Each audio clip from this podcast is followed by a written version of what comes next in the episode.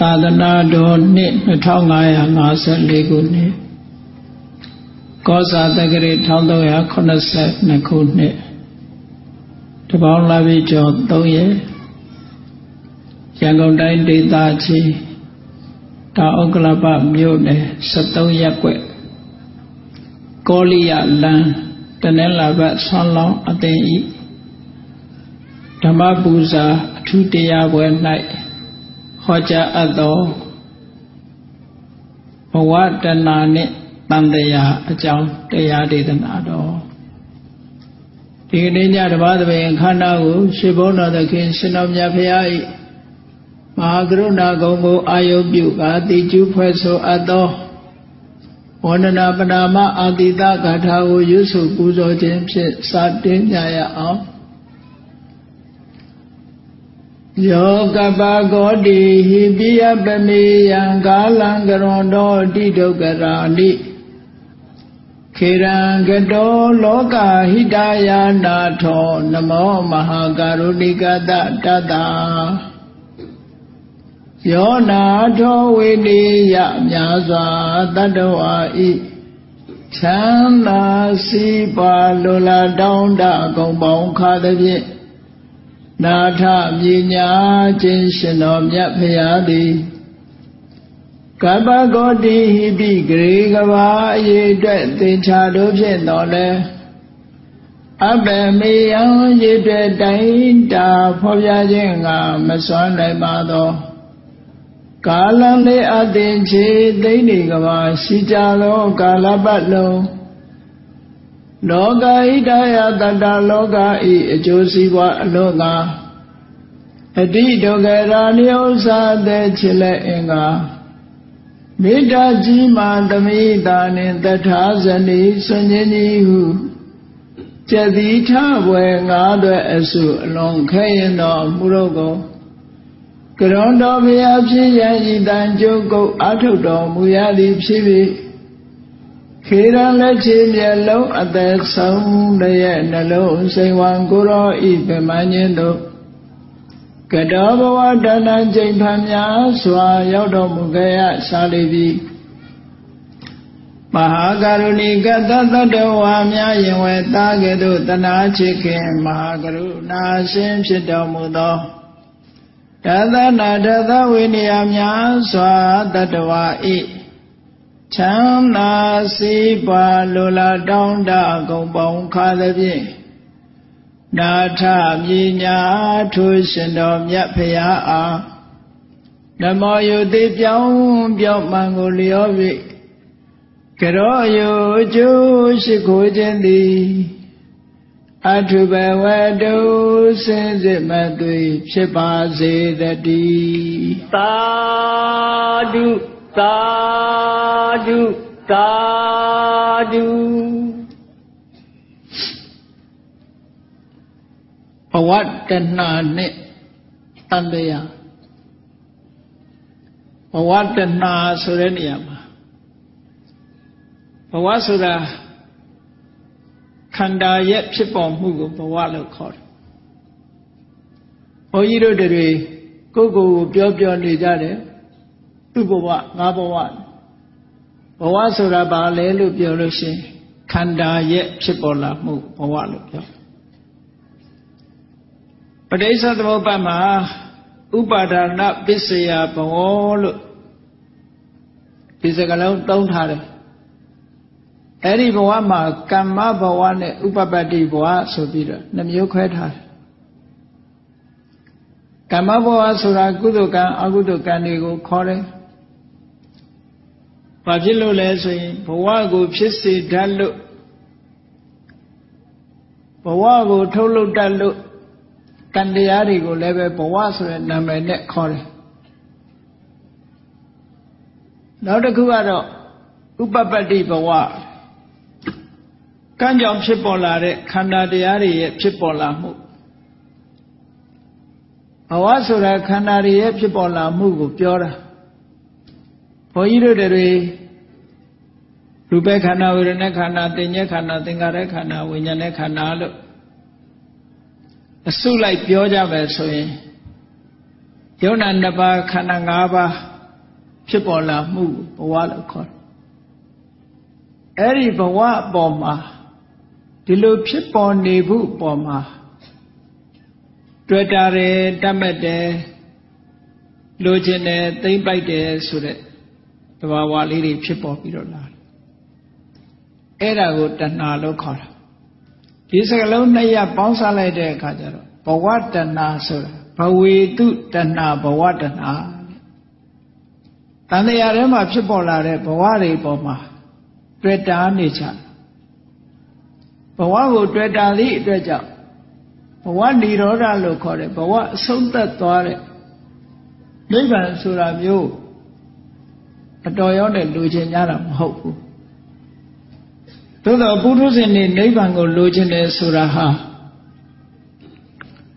နိဗ္ဗာန်ဟာအမတန်မှချမ်းသာတယ်လို့ပြောတဲ့စကားကိုကြည့်ပြီးတော့ချမ်းသာတာကိုခံစားခြင်းလို့နိဗ္ဗာန်ကိုလိုချင်နေကြတယ်နိဗ္ဗာန်မှာချမ်းသာဒုက္ခခံစားเสียဝေဒနာလည်းမရှိဘူး ခံစားမှုဆိုတဲ့ဝေဒနာလည်းမရှိဘူးခံစားစရာအာယုံလည်းမရှိဘူးလို့ဘဝတစ်ခုကလုံးဝချုပ်ငြိမ်းသွားတယ်ခန္ဓာនិရောဓခန္ဓာတွေလုံးဝချုပ်ငြိမ်းသွားတာနိဗ္ဗာန်လို့ပြောလို့ရှိရင်ပုရုဇဉ်တွေကများသောအားဖြင့်လန့်ဖြန့်သွားတတ်တယ်။ဘာဖြစ်လို့လဲဆိုတာဘဝတဏှာရှိနေလို့ပဲဖြစ်နေတဲ့အပေါ်မှာပုရုဇဉ်တွေကလိုလားတောင်းတနေကြတာ ဘုရားဘာသာဝင်သူတော်စင်တွေလည်းဣဒံမေပုံညာနိဗ္ဗာနတပစ္စယောဟောတုလို့ဆုတောင်းကြတာမရှိဘူးလားဆိုရှိတယ်အဲ့တော့နိဗ္ဗာန်ကိုဘာလို့တောင်းတာတုံးလို့လူတိုင်းလူတိုင်းကိုမေးကြည့်ပဲဆိုရင်အိုးနိဗ္ဗာန်ဆိုတာမအိုရဘူးမနာရဘူးမသေးရဘူးဆင်းရဲဒုက္ခတွေမရှိဘူးဆိုတော့မအိုရဘူးမနာရဘူးဆိုတာလေးတွေကိုကြည့်ပြီး ဆင်းရဲဒုက္ခမရှိဘူးဆိုတာကိုကြည့်ပြီးတော့နိဗ္ဗာန်ကိုတောင်းတနေတဲ့သဘောရှိတယ်ပေါ့အဲ့ဒါလို့မဟုတ်လို့ရှိရင်နိဗ္ဗာန်မှာဘာမှမဖြစ်တော့ဘူးအခုဖြစ်နေတဲ့ခန္ဓာ၅ပါးဆိုတာအကြောင်းတရားရပ်ဆိုင်သွားသည့်အတွက်ကြောင့်ခန္ဓာတွေမဖြစ်တော့ဘူးလို့ပြောလို့ရှိရင်ပုရုဇဉ်ကလန့်ဖြန့်သွားတယ်ဒါသဘာဝပဲ တဏှာရဲ့အတွေးနဲ့တဏှာကိုပယ်တတ်တတ်တဲ့အသိဉာဏ်ရဲ့အတွေးကတခြားစီအမြင်ကတခြားစီပဲအဲကြောင့်မို့လို့ဘုဒ္ဓကမာကြီးတယောက်ပြောသလိုပဲအရှင်ဘုရားနိဗ္ဗာန်ရောက်ရလို့ရှင်ဆေးလိပ်တောက်ရလားလို့မေး နိဗ္ဗာန်ပဲဆေးလိပ်တောက်ရမလဲလို့ဆိုရင်ဆေးလိပ်မှမတောက်ရတဲ့နိဗ္ဗာန်မသွားခြင်းဘူးလို့ပြောတာရှိတယ်နော်လူတွေကတွေးလို့ရှိရင်တဏှာအမြင်နဲ့ပဲတွေးတယ်ဒါကြောင့်မို့ဘဝတဏှာဆိုတာအလွန်ပြစ်ထန်တမန်နဲ့မဟုတ်ဘူးဘဝဆိုတာဆက်လက်ဖြစ်ပေါ်နေမှုခန္ဓာ၅ပါးရဲ့ဆက်လက်ဖြစ်ပေါ်နေမှုကို တွေ့တာနေတယ်တတ်မဲ့နေတယ်မတိမသာတွေ့တာတယ်တိတိသာသာတွေ့တာတယ်တခါတရံကျတော့အလွန်သိမ်မွေ့တယ်တွေ့တာမှမသိတွေ့တာအဲ့ဒါလို့တဏှာရှိနေသေးတဲ့မြတ်တဏှာကိုဘဝတဏှာလို့တခါတရံသုံးတော့လေတခါတရံကျတော့ဘဝနိတိဆိုတဲ့စကားလုံးကိုသုံးတယ်ဘဝနိတိဆိုတာ ဘဝတွေကိုဥဆောင်ပြီးတော့ခေါ်သွားတဲ့တဘာဝတရားလို့ဒီလိုပြောဘယ်ဘဝရောက်ရောက်တဏှာရှိတာတတမှုဆိုတာလာတာပဲလူတွေကထင်ကြလိမ့်မယ်တရိษံလေးတွေဟာသူတို့ဘဝသူတို့တွေ့လိမ့်မယ်မထင်ဘူးသို့တော့သူတို့ဘဝသူတို့သိတွေ့တာပဲဘယ်တရိษံလေးပဲဖြစ်ဖြစ်သူ့ဘဝသူပြောနေကြတာရှိပဲအကုန်လုံး ဘဝဆိုတာမပြောတဲ့ဘဝမရှိဘူးပြောနေကြတယ်မပြောဘူးဆိုတာတခါတရံဒုက္ခဒုက္ခတွေစိတ်ဆင်းရဲစရာတွေနဲ့ကြုံလို့ရှိရင်တော့ဘဝကိုမပြောသလိုတော့ရှိတတ်တာအဲ့ဒါကအမှန်မဟုတ်ဘူးတဏှာမဖြစ်ဖဲနဲ့ဒေါသဖြစ်နေတဲ့အခါမျိုးမှာ तू ကဘဝကိုမတွဲတာသယောင်ယောင်ဖြစ်တာတကယ်ကတော့ဘဝကိုတွဲနေတာပဲတဲ့ အဲ့ဒီဘဝကိုတွဲတဲ့တဏှာရှိနေသေးတဲ့ညကာလပတ်လုံးတန်တရားဆိုတာရှိနေဥမှာပဲတန်တရားဆိုတဲ့စကားလုံးကပါဠိစကားလုံးတန်တာရကိုမြန်မာနှုတ်နဲ့ကြိုက်အောင်တန်တရားလို့ပြောင်းခေါ်နေကြတန်တာရဆိုတာဘာပြောတာလဲဆိုရင်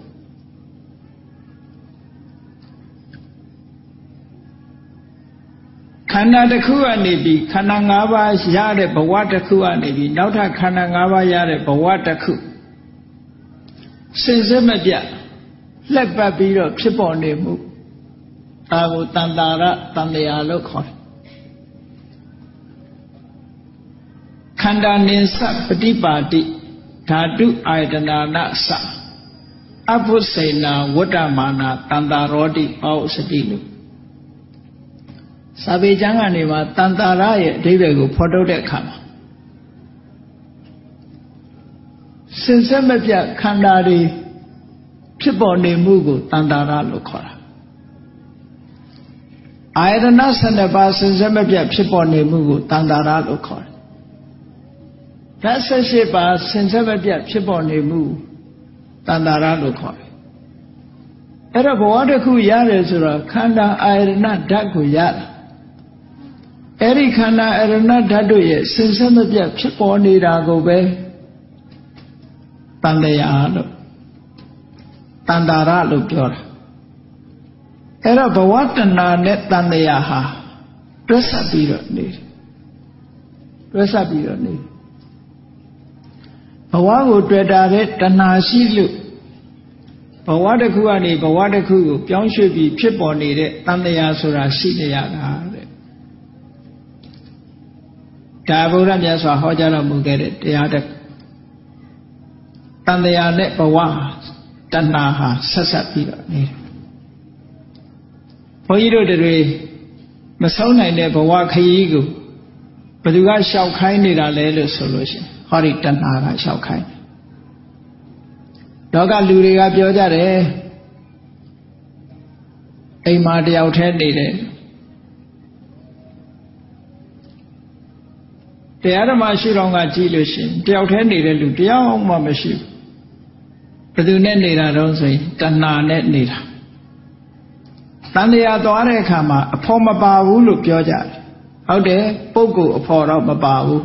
ဘယ်သူအဖို့ပါတဏှာအဖို့ပါဒါကြောင့်မြတ်စွာဘုရားတဏှာဒုတိယောပုရိသောဒီကမ္မဋ္ဌန္တတန်တာ တဏှာအဖော်ပြုတ်နေတဲ့ပုံကိုယ်တွေဟာဘလောက်ဝေးတဲ့တန်တရာခရီးရွယ်ဖြစ်ဖြစ်ဆက်လက်ပြီးတော့ရှောင်နေကြမှာပဲဗယမနာခရီးသွားနေကြဗယမနာခရီးသွားနေကြမယ်ရှီလျားတဲ့ခရီးကြီးကိုရှောက်လန်းနေရတာဟာသူ့ကြောင့်ပဲရသော်ဘုရားသခင်ကိုရောမြတရားဓမ္မကျင့်လို့ဘုရားဖြစ်ရောက်တဲ့အခါမှာ ဥဒန်းကျူးတဲ့ဂါထာတစ်ခုအလုံးတရားနာပရိသတ်တွေကြားဖို့ကြတယ်မိမိတို့အိမ်မှာကိုးကွယ်ထားတဲ့ရုပ်ပွားဆင်းတုတော်ဘုန်းကြီးတွေပင့်ပြီးတော့အနေကစားတင်တယ်ဆိုတာလောက်တယ်လေအဲ့ဒီအနေကစားတင်တဲ့ဂါထာတွေကိုရွတ်ဖတ်တဲ့အခါမှာအနေကဇာတိတန်တာရံတန္တာဝိတံအနိဗိတံတန်တရားခရီးကို မရေမတွက်နိုင်လောက်အောင်များပြားတဲ့တန်တရားခရီးကြီးကိုသူရှောက်လန်းခဲ့ရတယ်။ဘာဖြစ်လို့ရှောက်လန်းခဲ့ရတာတုံးဆိုအနိဗ္ဗိတလေဒီလိုခရီးသွားနေအောင်ဘယ်သူကနေပြီးတော့လမ်းပြလုပ်ပြီးတော့ဆွဲခေါ်နေတာလဲဆိုတော့သိနိုင်တဲ့အသိဉာဏ်မရလို့တန်တရားခရီးရှောက်နေရတာတဲ့ ဘသူကတည်ပြီးတော့ဘဝတွေကိုတိဆောက်နေတယ်လေလက်တယ်ကိုလိုက်ရှာရှာလို့မတွေ့လို့တန်တရားခရီးရှောင်လန်းနေတယ်ကဟကာရံခဝေတန်တော်ဒုက္ခဇာတိပုဏ္ဏပုခန္ဓာအိမ်ကြီးကိုဆောက်လုပ်နေတာဘာလို့လဲလို့မေးလိုက်တဲ့အခါတဏှာဟာလက်တယ်ပဲဒါကြောင့်မို့သူ့ကိုဆောက်လုပ်ရည်သမားပေါ့ဂဟကာရအိမ်ဆောက်လုပ်သူဆိုတဲ့နာမည်နဲ့မြတ်စွာဘုရားဟော ဘာဖြစ်လို့သူ့ကိုရှာရတယ်လဲလို့ဆိုလို့ရှိရင်ဒုက္ခဇာတိပုဏ္ဏပုဏ္ဏတန်တရားထဲမှာတဘဝကနေတဘဝထပ်တလဲလဲဖြစ်နေရတာဒုက္ခရောက်လို့လို့တဲ့လူတွေကတော့ဒုက္ခရောက်တယ်လို့မထင်ကြဘူးလူတွေရဲ့အမြင်နဲ့တာမန်လူတွေရဲ့အမြင်နဲ့ဘုရားအလောင်းတွေရဲ့အမြင်အလွန်ကွာခြားဘုရားအလောင်းတွေကတော့ ဘဝကိုဒုက္ခရောက်တယ်လို့အမြဲတမ်းကြည့်ဘယ်လိုဒုက္ခရောက်တာတုံးလို့ဆိုဘုရားအလောင်းတွေကဘဝကိုသုံးသပ်တဲ့အခါမှာပဋိစ္စသောဥပ္ပတ်နဲ့ဆင်ញင်သုံးသပ်ပြီးဆိုလို့ရှိရင်မျက်မှောက်လက်တွေ့အခြေအနေတရက်ကိုရှေ့တန်းတင်ပြီးတော့ဆင်ញင်တယ် ကိစ္ဆာဝတ္တယံလောကောအပ္ပန္နောလောကဆိုတာတတ္တလောကကြီးကိုပြောတာတတ္တလောကကြီးတစ်ခုလုံးဟာတဲ့ဒုက္ခရောက်နေတယ်ကိစ္ဆံဝတ္တယံလောကောအပ္ပန္နောအလုံးဒုက္ခရောက်နေတယ်ဘာဖြစ်လို့ဒုက္ခရောက်နေတယ်လဲလို့ဆိုရင်သာယတိစေဝမွေးလာရပြန်တယ်မွေးတာတခါတည်းမွေးတာမဟုတ်ဘူးခဏခဏမွေးမှာ မွေးလာတိုင်းနောက်ကပါလိုက်တော့စီယတိစမိယတိစအိုမယ်သိမယ်မွေးလာရင်အိုမယ်သိမယ်ဇာတိပစ္စယစရမရဏအဲ့ဒါကြီးကိုကျင့်တတ်เสียမကောင်းဘဝမှာတခုဘဝတခုမှာမွေးပြီးရင်အိုခြင်းသိခြင်းဆိုတာနဲ့အဆုံးသတ်ဒါဖြင့်အိုခြင်းသာခြင်းနဲ့အဆုံးသတ်ပြီးတော့ရပ်သွားလာလဲဆိုမရပ်ဘူးသဝတိစာဥပပစ္စတိစာ တဘဝကနေနောက်တဘဝတစ်ခုပြောင်းအောင်မယ်ဝေလာလည်းအောင်မယ်ဖြစ်အောင်မယ်တန်တရားထဲမှာအခုလိုဖြစ်လိုက်အိုလိုက်တေလိုက်နဲ့ဒီလိုသွားနေရတာကြီးอ่ะအမတန်မှစိတ်ပြည့်စရာကောင်းစိတ်ပြည့်စရာကောင်းလောကလူတွေကပျော်စရာလေးတွေကြည့်ပြီးတော့ပျော်စရာလို့ ဘဝကြီးကပျော်စရာလို့သတ်မှတ်နေကြတာနှစ်သက်လေးကူးပြီဆိုရင်ပျော်ကြတယ်လေ Happy New Year ဝင်းနေ့ရောက်ရင်လည်း Happy Birthday ဆိုပျော်ကြပြန်နောက်ကသာ happy လို့ဆိုတာစိတ်ထဲကတကယ်ပျော်လို့ရတာမဟုတ်ဘူးအဲဘုရားလောင်းနေဆင်ញင်သုံးတတ်တယ်လို့ပဲဘယ်တတ္တဝါကြည့်ကြည့် လူသားတွေတဲကဘယ်လူမျိုးတွေပဲကြည့်ကြည့်ဘယ်ဘာသာဝင်တွေပဲကြည့်ကြည့်ဝေလာတယ်ပို့တယ်သိတယ်တင်းကြိုင်းမရှိတဲ့နိုင်ငံရှိမှမရှိတာပြောကြလိုက်ပဲအိန္ဒိယမှာတင်ကြိုင်းမရှိဘူးဟုတ်တယ်ဟိန္ဒူတွေကတော့မြစ်ချောင်းကလေးရှိလို့ရှိရင်အဲ့ဒီနာမှာတကြိုပြီးရေထဲမြောက်လိုက်တာဒါသူတို့တင်ကြိုင်း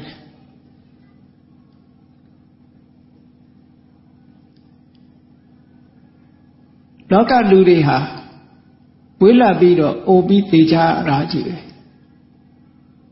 အဲ့ဒါကိုကဘဝဆိုတာကျင့်တတ်เสียမကောင်းဘူးလို့ကျင့်တတ်เสียမကောင်းတဲ့ဘက်ကကြည့်တာဒါဖြင့်ဘဝဟာကျင့်တတ်เสียကောင်းတာတွေရောရှိသလားဆိုရှိပါတယ်ရှိလို့ပဲလူတွေကပြောနေကြတာပေါ့ဘဝရထားလို့ရှိရင် မျက်စိကလာတာပတာတွေမြင်ပြီးတော့စိတ်ထဲကချမ်းသာမှုတွေရတယ်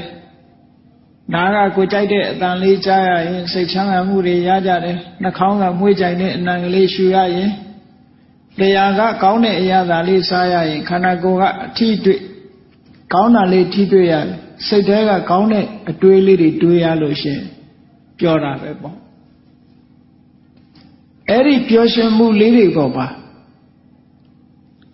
လူတွေဟာตายာပြီးတော့နေကြတယ်ဒါဘဝရဲ့ตายာပဲ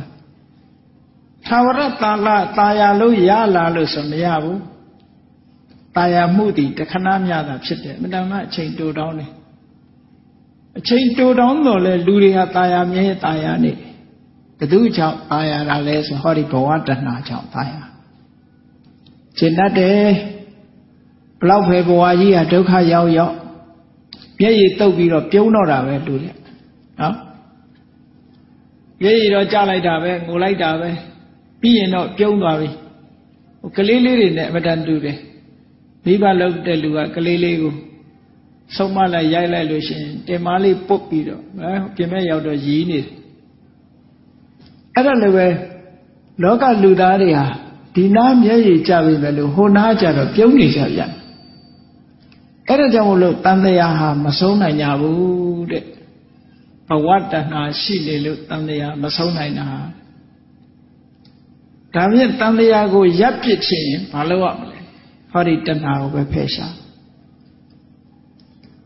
ရသော်ဘုရားကိုတော့ရကိုယ်တိုင်းကိုကအခုလို့ထပ်တလဲလဲမွေးဖွားခြင်းဟာဒုက္ခရောက်တယ်တဲ့။ပူခြင်းနဲ့ကြုံရတယ်၊သေခြင်းနဲ့ကြုံရတယ်။ ဒါတွေမကဘူး။ဘဝမှာလူမှုရေးပြဿနာတွေနဲ့လည်းကြုံရမှာပဲ။စီးပွားရေးပြဿနာနဲ့ကြုံရမယ်။မိသားစုပြဿနာနဲ့လည်းကြုံရမယ်။နိုင်ငံရေးပြဿနာနဲ့လည်းကြုံ။ပြဿနာအမျိုးစုံဘယ်ဘုံဘယ်ဘဝမှာပဲဖြစ်ဖြစ်မိမိရဲ့ပတ်ဝန်းကျင်နဲ့ကြုံတွေ့လာရတဲ့ပြဿနာတွေဘဝထဲမှာရှိနေတဲ့ပုဂ္ဂိုလ်တွေကြုံရတယ် တခါတရံကျတော့ကံညိလို့မပြောဘူးဘဝရဲ့အပြစ်လို့ပဲပြောရတယ်ဝတ္တတေဝေသောထောသောတဲ့စာပေမှာတခါတခါဆိုတယ်ဝဆင်းရဲရဲ့အပြစ်ပါတဲ့တခါတခါကံလို့ပြောဖို့ရခက်တယ်ဝဆင်းရဲရဲ့အပြစ်ပါမကြခင်ကအလုံးကြားလိုက်ကြလိုက်ပဲငလျင်ကြီးလှုပ်ပြီးတော့ဂျပန်နိုင်ငံမှာလေဒုက္ခဒုက္ခရောက်နေကြအဲ့ဒါလို့ဒုက္ခရောက်တဲ့အခါလူတွေဟာ စိုးရိမ်ကြတယ်ထိတ်လန့်ကြတယ်တုန်လှုပ်ကြတယ်ငိုကြတယ်ပြီးတဲ့အခါကျတော့လွန်မြောက်သွားပြီဆိုရင်တခါပျော်ကြဗျာရောအမှတ်မရှိတဲ့လူတွေပဲမှန်တော့တတ္တဝါတွေကအမှတ်မရှိဘုန်းကြီးတခါတလေကြည့်မိတယ်တခါတခါကြက်တွေကိုချင်းနဲ့ထည့်ပြီးတော့ခြေတော့ကိုကျိုးတွေချီပြီးချင်းနဲ့ထည့်သွားတွေ့ ဟာဒီကောင်လေးတွေစိတ်ညစ်နေမှာပဲလို့အောင်းမိတယ်ဘယ်တကောင်တကောင်မှစိတ်ပြီးတော့တွန်လိုက်သေးတာတခါတခါချင်းနဲ့ကနေပြီးတော့စိတ်ညစ်ဖို့နေနေတာဒါတကောင်တကောင်ပဲစိတ်ချစ်နေတာသူတို့ကအဲ့တော့ဘဝဆိုတာတာယာမှုတွေနဲ့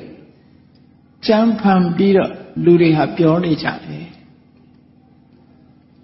အဲ့တော့ဘုန်းကြီးတို့တွေဟာ ဘဝတဏကိုဖယ်ရှားဖို့ဆိုလို့ရှိရင်ตาယာမှုအပိုင်းတွေကိုဖယ်ထား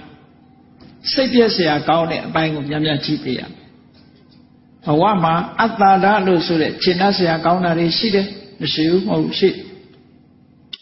အဲ့ဒီရှင်းတတ်စရာကောင်းတာတွေဟာတခဏမျှတာဖြစ်လို့သူတို့မကြည့်နဲ့စဉ်းစားဆင်ခြင်ကြည့်မကျေနပ်เสียကောင်းတာတွေပဲကျေနပ်เสียမကောင်းဘူးဆိုတာတွေအပြစ်တွေပဲကြည့် အပြစ်တွေကိုအာဒီနဝလို့ခေါ်တယ်အဲ့ဒီအာဒီနဝဆိုတာမွေးလာပြီးရင်အိုရတယ်နာရတယ်သိရတယ်အဲ့ဒီအပြစ်တွေကိုကြည့်မှတာယာမှုဆိုတဲ့တဏှာကိုဖယ်ရှားပြနိုင်မှာဖြစ်တယ်အဲ့ဒီတဏှာမဖယ်ရှားနိုင်ပဲနဲ့တန်တရားကထွက်နိုင်တယ်ဆိုတာလုံးဝမရှိဘူး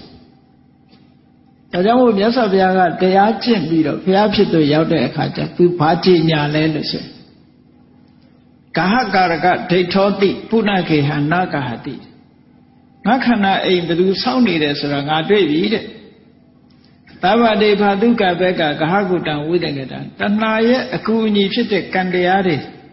အလုံးသူဖြတ်စည်းပြလိုက်တယ်နောက်ဆုံးသူရလိုက်တာဘာတော့ဆိုတဏှာနံခယမစ္ဆကတဏဏံခယဆိုတာကာမတဏရောဘဝတဏရောဝိဘဝတဏရော တဏမှန်သမျှကိုကုံဆုံးစေတတ်တဲ့အကျွင်းကြံမရှိအောင်ဖယ်ရှားပြစ်နိုင်တဲ့အရတ္တမဲဆိုတဲ့အစွမ်းထက်တဲ့အသိဉာဏ်ကြီးကိုရလိုက်တာတဲ့တဏှာကိုဖယ်နိုင်တဲ့ဟာအရတ္တမဲမှာဖယ်နိုင်တယ်သောတပတိမဲ့အချို့ဝဲလောက်သာဖယ်လို့ရတယ်ဒဂါရဂါမိမဲ့ကအချို့ဝဲလောက်သာဖယ်နိုင်တယ် အနာဂါမိမက်ကလည်းအချိုးဝဲလောက်သာဖယ်နိုင်တယ်အရတ္တမဲ့ကြတော့အကျွင့်ချံမရှိအောင်လုံးဝတဏှာတွေကုံဆုံးသွားစေတတ်တယ်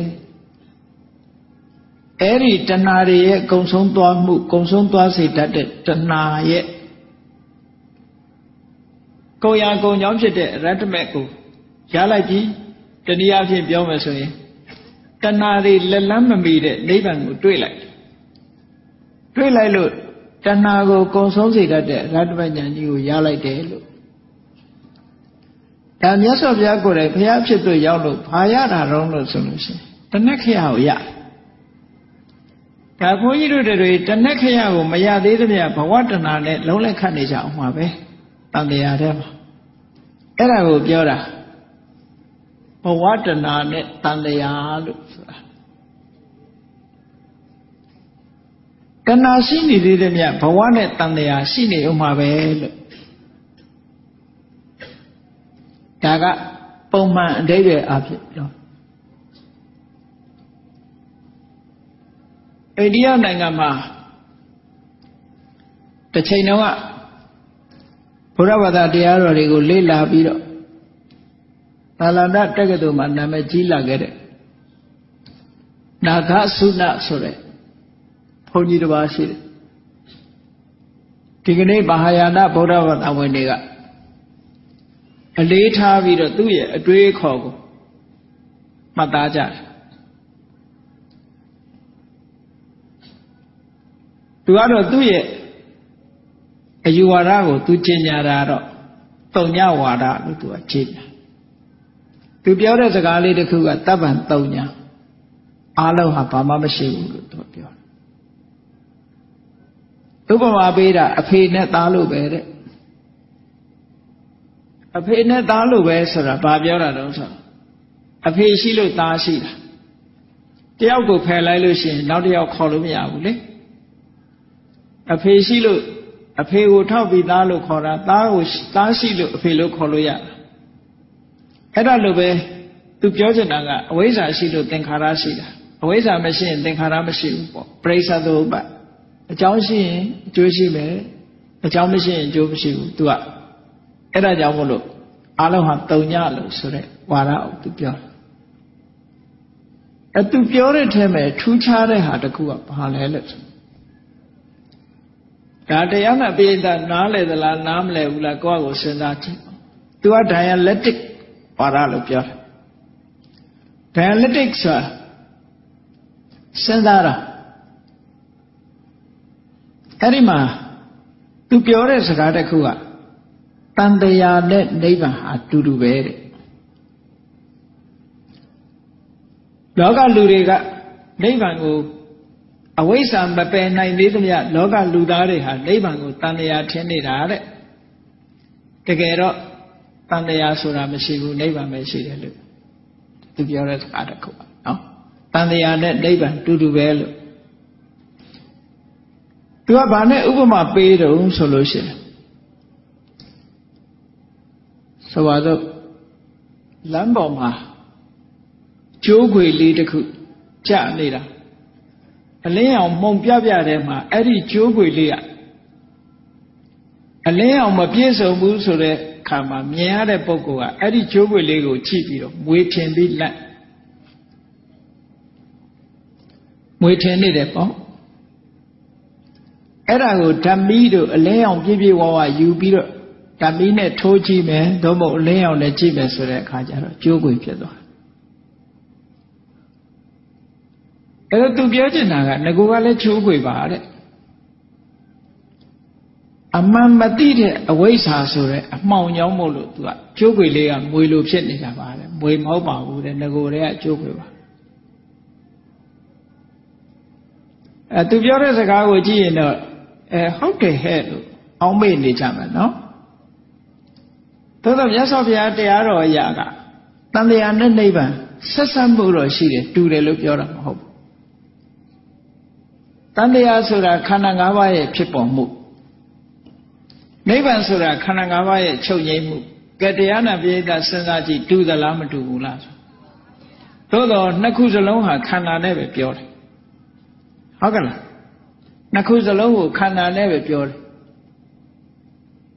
ခုနကလည်းသူကလည်းပဲမွေးဆိုတာလဲကျိုးခွေကျိုးခွေဆိုတာလဲကျိုးခွေပဲဟုတ်ကလားကျိုးခွေနဲ့ပဲပြောတယ်သို့တော့သူပြောတဲ့စကားကခန္ဓာတန်တရားနဲ့နိဗ္ဗာန်အတူတူပဲတဲ့အမှန်မသိတဲ့အဝိဇ္ဇာရှိနေသေးလို့ရှိရင်နိဗ္ဗာန်ကိုပဲတန်တရားလို့ထင်နေတာတဲ့အမှန်သိတဲ့အသိဉာဏ်ရလိုက်တာတဲ့တိုင်နဲ့တန်တရားမဟုတ်ပါဘူးနိဗ္ဗာန်ဆိုတာပြင်ပါတယ်လို့ပြောတော့ ကြည့်လိုက်မယ်ဆိုရင်တော့ဟုတ်တရားရောင်ကလေးတော့ရှိတာပေါ့နော်အတူရဲ့မတရားမိကကာရိကလို့ခေါ်တယ် central philosophy လို့ခေါ်တယ် central philosophy ကနားလေရအမတန်မှခက်တယ်သူကအတွေးသမားတတ်တတ်ပဲအတွေးသမားတတ်တတ်ဟုတ်တဲ့ရောင်ရောင်လေးတွေရှိတယ်သို့တော့ဒါက နားရောင်ဖို့မဟုတ်ဘူးပေါ့ဘုရားရဲ့သာသနာတော်နဲ့ပတ်သက်ပြီးတော့ဒါမျိုးလေးတွေကဒီခေတ်မှာလည်းပေါ်လာတတ်တဲ့တတိထားဖို့ပေါ့နိဗ္ဗာန်ကိုပြောတဲ့အခါမှာခန္ဓာနဲ့ဆက်ဆက်ပြီးတော့ပြောရတန်တရားကိုပြောတဲ့အခါရောခန္ဓာနဲ့ပဲဆက်ဆက်ပြီးတော့ပြောတယ်ခန္ဓာ၅ပါးရဲ့ဆင်ဆက်မပြတ်ဖြစ်နေတာကိုတန်တရားလို့ခေါ်တယ်ခန္ဓာ၅ပါးအပြီးသတ်ခြုံငိမ့်သွားတဲ့နေရာကို နိဗ္ဗာန်လို့ခေါ်တယ်ဆိုတော့နှစ်ခုစလုံးဟာခန္ဓာနဲ့ဆက်ဆက်ပြောရတော့မှန်တယ်သို့တော့တူသလားမတူဘူးလားလို့ဆိုရင်မတူနိုင်ဘူးเนาะမတူနိုင်ဘူးဒါပေမဲ့သူရဲ့ dialectic ဝါဒအရာတူတယ်လို့သူကပြောတာเนาะဘုန်းကြီးတို့သူ့ကျမ်းကိုလေ့လာတဲ့အခါဘယ်တော့မှဆုံးဖြတ်ချက်မချနိုင်ဘူး လက်တယ်လက်တယ်နဲ့ပဲပြီးသွားတယ်အကုန်လုံးသူချမ်းကိုစရေးကြတဲ့က तू ကအဲ့ negative ညင်းဆိုချက်၈ခုနဲ့ဖွင့်ဆိုထားအကုန်လုံးသူကညင်းထားတာဖြစ်တာလည်းမဟုတ်ဘူးတဲ့ပြက်တာလည်းမဟုတ်ဘူးရှိနေတာလည်းမဟုတ်ဘူးမရှိတာလည်းမဟုတ်ဘူးဝင်လာတာလည်းမဟုတ်ဘူးထွက်သွားတာလည်းမဟုတ်ဘူးဆိုဘယ်ဟာဟုတ်တုံးဆိုတော့မပြောမဟုတ်ဘူးတွေကြီးပဲပြောတယ်သူအကုန်လုံး မဟုတ်ဘူးရှစ်ချက်နဲ့စာထားတာ तू အဲ့ဒီမဟုတ်ဘူးရှစ်ချက်ကို तू ကပြောလိုက်သေးတယ်ဒါမြတ်စွာဘုရားဟောတဲ့ပဋိစ္စသမုပ္ပါဒ်ပါတဲ့မြန်မာပြည်မှာတော့ဒီချမ်းစာကတိတ်ပြီးတော့ဟို popular မဖြစ်ဘူးပေါ့အဲနိုင်ငံသားတွေမှာအထူးသဖြင့်ထေရဝါဒမှာဒီချမ်းစာကိုတိတ်ပြီးတော့အတိမမပြုဘူး မဟာယာနဆိုတဲ့ဗုဒ္ဓဘာသာခိုင်းမှာတော့ဟောဒီဟာကိုသူကအဓိကထားသိညာဘုန်းကြီးတို့ကိုရီးယားရောက်တော့ကနည်းနည်းမေးကြည့်ပြောပြနိုင်လားတုံညဝါဒနဲ့ပတ်သက်ပြီးတော့အဖြေကောင်းကောင်းမရခဲ့ဘူးအဲသူတို့ပြောတဲ့အဖြေကမြတ်စွာဘုရားဟောတဲ့တုံညဝါဒနဲ့နာဂသုနာရဲ့တုံညဝါဒအတူတူပဲလို့ပြောတယ် ဘုန်းကြီးတို့ကအဲ့ဒါကိုမတူဘူးဘုရားဟောတဲ့တုံညကအဓိပ္ပာယ်တစ်မျိုးနာဂသုနာပြောတဲ့တုံညအဓိပ္ပာယ်တစ်မျိုးလို့အဲ့ဒါလို့ပြောပြီးတဲ့အခါအကျိုးအကြောင်းကြာကြာနာနာရှင်းပြတော့ပြောတော့သူတို့တင်ထားတာတွေနဲ့တလွဲကြီးဖြစ်လို့ဒီပြဿနာကိုဆက်ပြီးတော့မဆွေးနွေးတော့ပါဘူးတဲ့ဒီမှာပဲရလိုက်ပါတော့ဆက်ဆွေးနွေးလို့ရှိရင်ရှုပ်ကုန် အဲ့တော့မြတ်စွာဘုရားရဲ့တုံညဆိုတာကိုနားလည်ကြလို့ရှိရင်အနတ္တကိုပြောတာမြတ်စွာဘုရားတုံညဆိုတာအနတ္တဝါဒမြတ်စွာဘုရားဆိုလိုတဲ့တုံညကဘာလဲလို့ဆိုရင်မြတ်စွာဘုရားကအကြောင်းမရှိဘူးဆိုတဲ့တုံညမဟုတ်ဘူးအကျိုးမရှိဘူးဆိုတဲ့တုံညမဟုတ်ဘူးရုပ်မရှိဘူးနာမ်မရှိဘူးဆိုတဲ့တုံညမဟုတ်ဘူးမြတ်စွာဘုရားတုံညကဘာလဲလို့ဆိုရင်ရုပ်နံတရားတွေထဲမှာအတ္တဆိုတာမရှိဘူး ငါဆိုတာမရှိဘူးငါဟာဆိုတာမရှိဘူးဒီလိုဆိုလိုတယ်မြတ်စွာဘုရား